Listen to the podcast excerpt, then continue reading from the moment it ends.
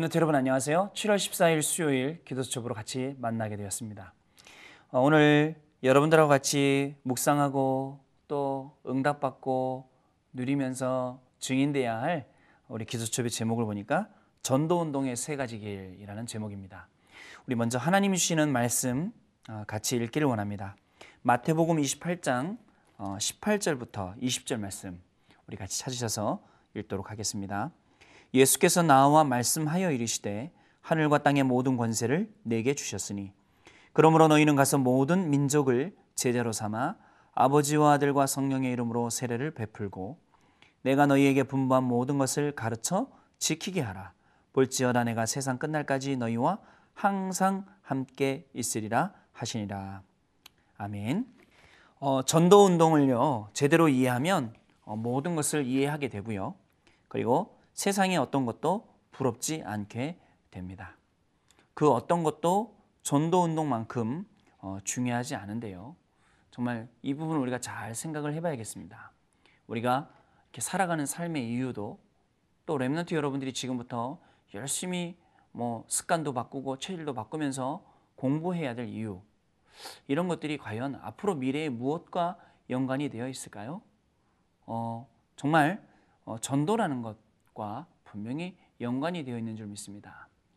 앞으로 어, 이 전동농에 중요하게 생을 걸고 또 중요한 많은 전도 지자들이 우리 랩런트들 가운데 계속해서 일어나게 될 줄로 저는 믿고 있고요. 또 이런 응답들이 하나씩 하나씩 우리 가운데 계속 다가오고 있는 중입니다.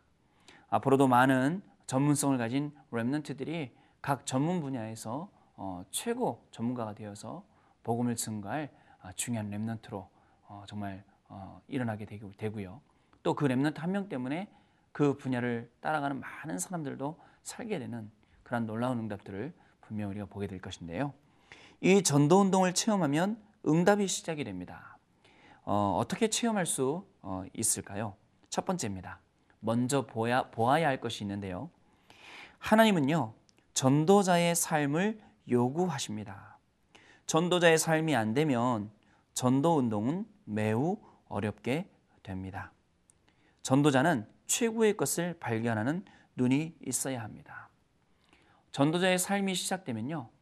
정말 어, 내가 못, 보아, 못 보았던 것들, 또 쉽게 주변에서 많이 놓쳤던 것들, 이런 것들을 사실적으로 돌아볼 수 있게 되고, 또 우리 랩런트들이 전도자의 삶을 살면서 어, 기록한 전도자의 일기를 보면 아, 참 많은 어, 정말 목회자의 가슴에 기도의 제목들 또 하나님이 신 많은 은혜들을 우리 렘넌트들이 쓴 통을 그 전도 일기를 통해서 이렇게 볼 수가 있습니다.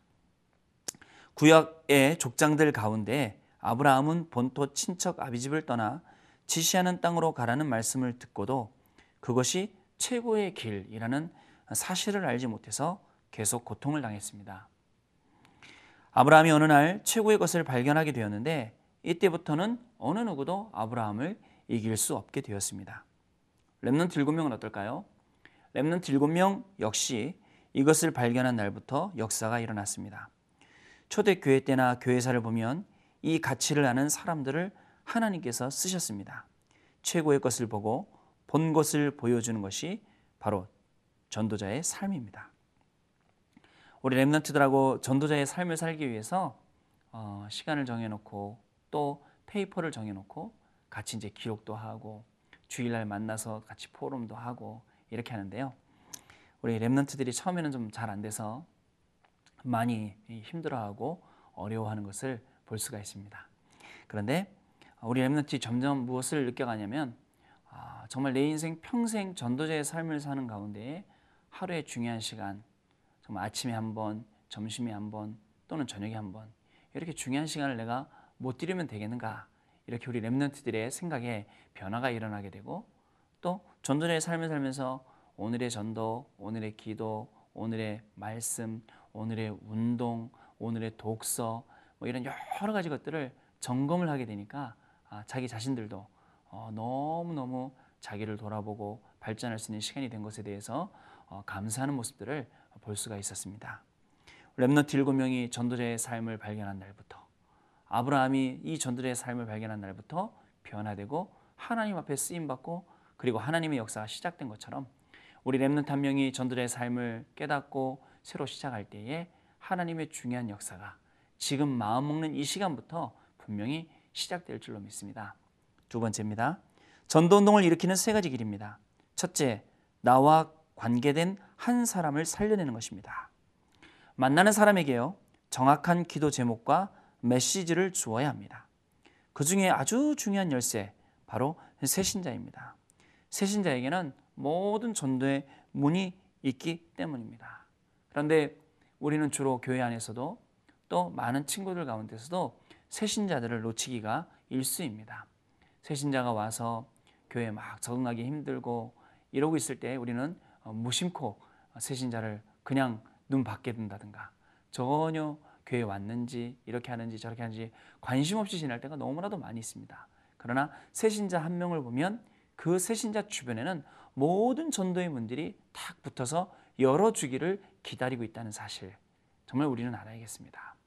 새신자를 어, 정확한 어, 기도 제목 그리고 그 정확한 메시지를 주면서 주변에 있는 전도의 문들을 살살 열어갈 때에 어, 중요한 전도의 열쇠가 되는 것입니다.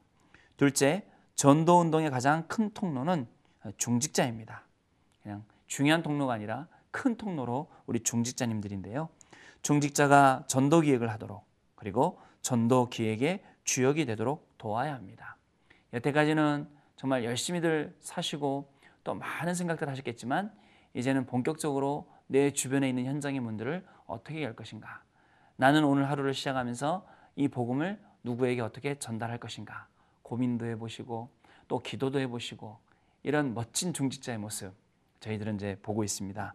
이렇게 중직자가 전도기획의 주역이 되면 하나님의 큰 응답이 우리 중직자님들의 모든 삶의 현장 가운데 바로 시작될 줄로 믿습니다. 셋째로 새신자와 중직자들을 현장으로 보내야 합니다. 불신자에게 복음을 전할 수 있는 현장, 모든 평신도의 현장, 그리고 현장 속의 현장, 또 전도 전, 전문인 현장, 엘리트 현장입니다. 이 세 가지 눈만 뜨면 하나님께서는 전도 운동을 크게 일으킬 것입니다. 오늘 기도 수첩을 묵상하고 있는 렘너트 여러분 한명 한명 한 명 정말 중요한 분들입니다. 우리 특별히 중직자 한 분한 한 분이 너무나도 중요한 분들입니다. 그리고 이 귀한 복음을 받고 세가족으로 오신 많은 분들 정말 이런 분들이 귀한 분들입니다. 이분들 가운데 정말 많은 전도의 분들이 분명히 준비되어 있습니다.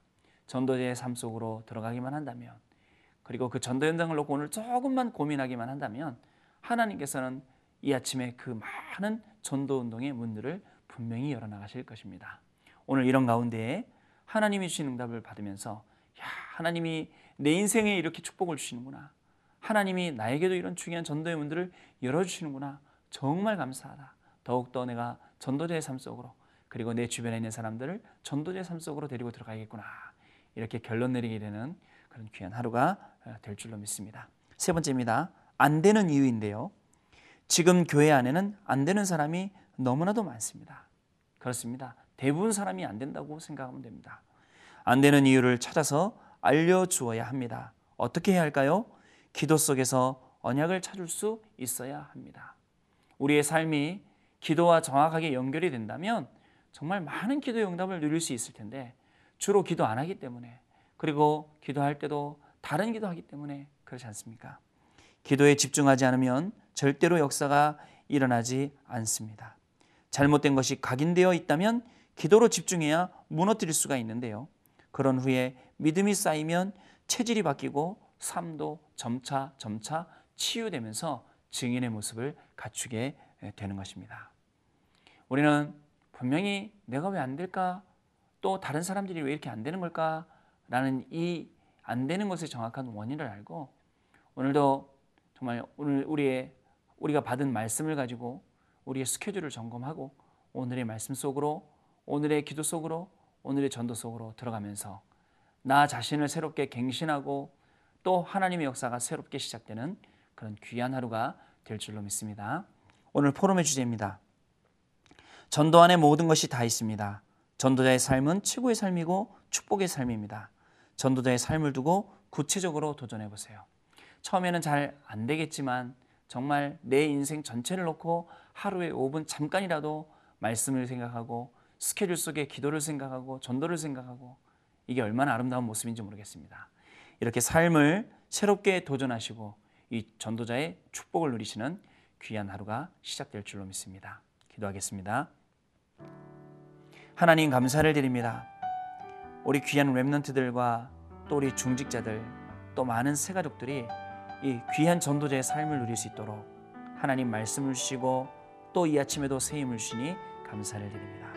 오늘 전도자의 삶이 새롭게 시작되는 모든 분들에게 하나님 최고의 은혜와 최고의 응답을 더하여 주셔서 정말 우리의 많은 삶을 통하여서 많은 사람들을 살릴 수 있을 정도로 귀한 축복 속으로 들어가는 우리 귀한 렘넌트들 우리 중직자들의 걸음이 되도록 주께서 성령으로 역사하여 주옵소서. 오늘 최고로 축복된 하루를 허락하시면 감사를 드리며 살아계신 우리 주 예수 그리스도 이름으로 기도드리옵나이다.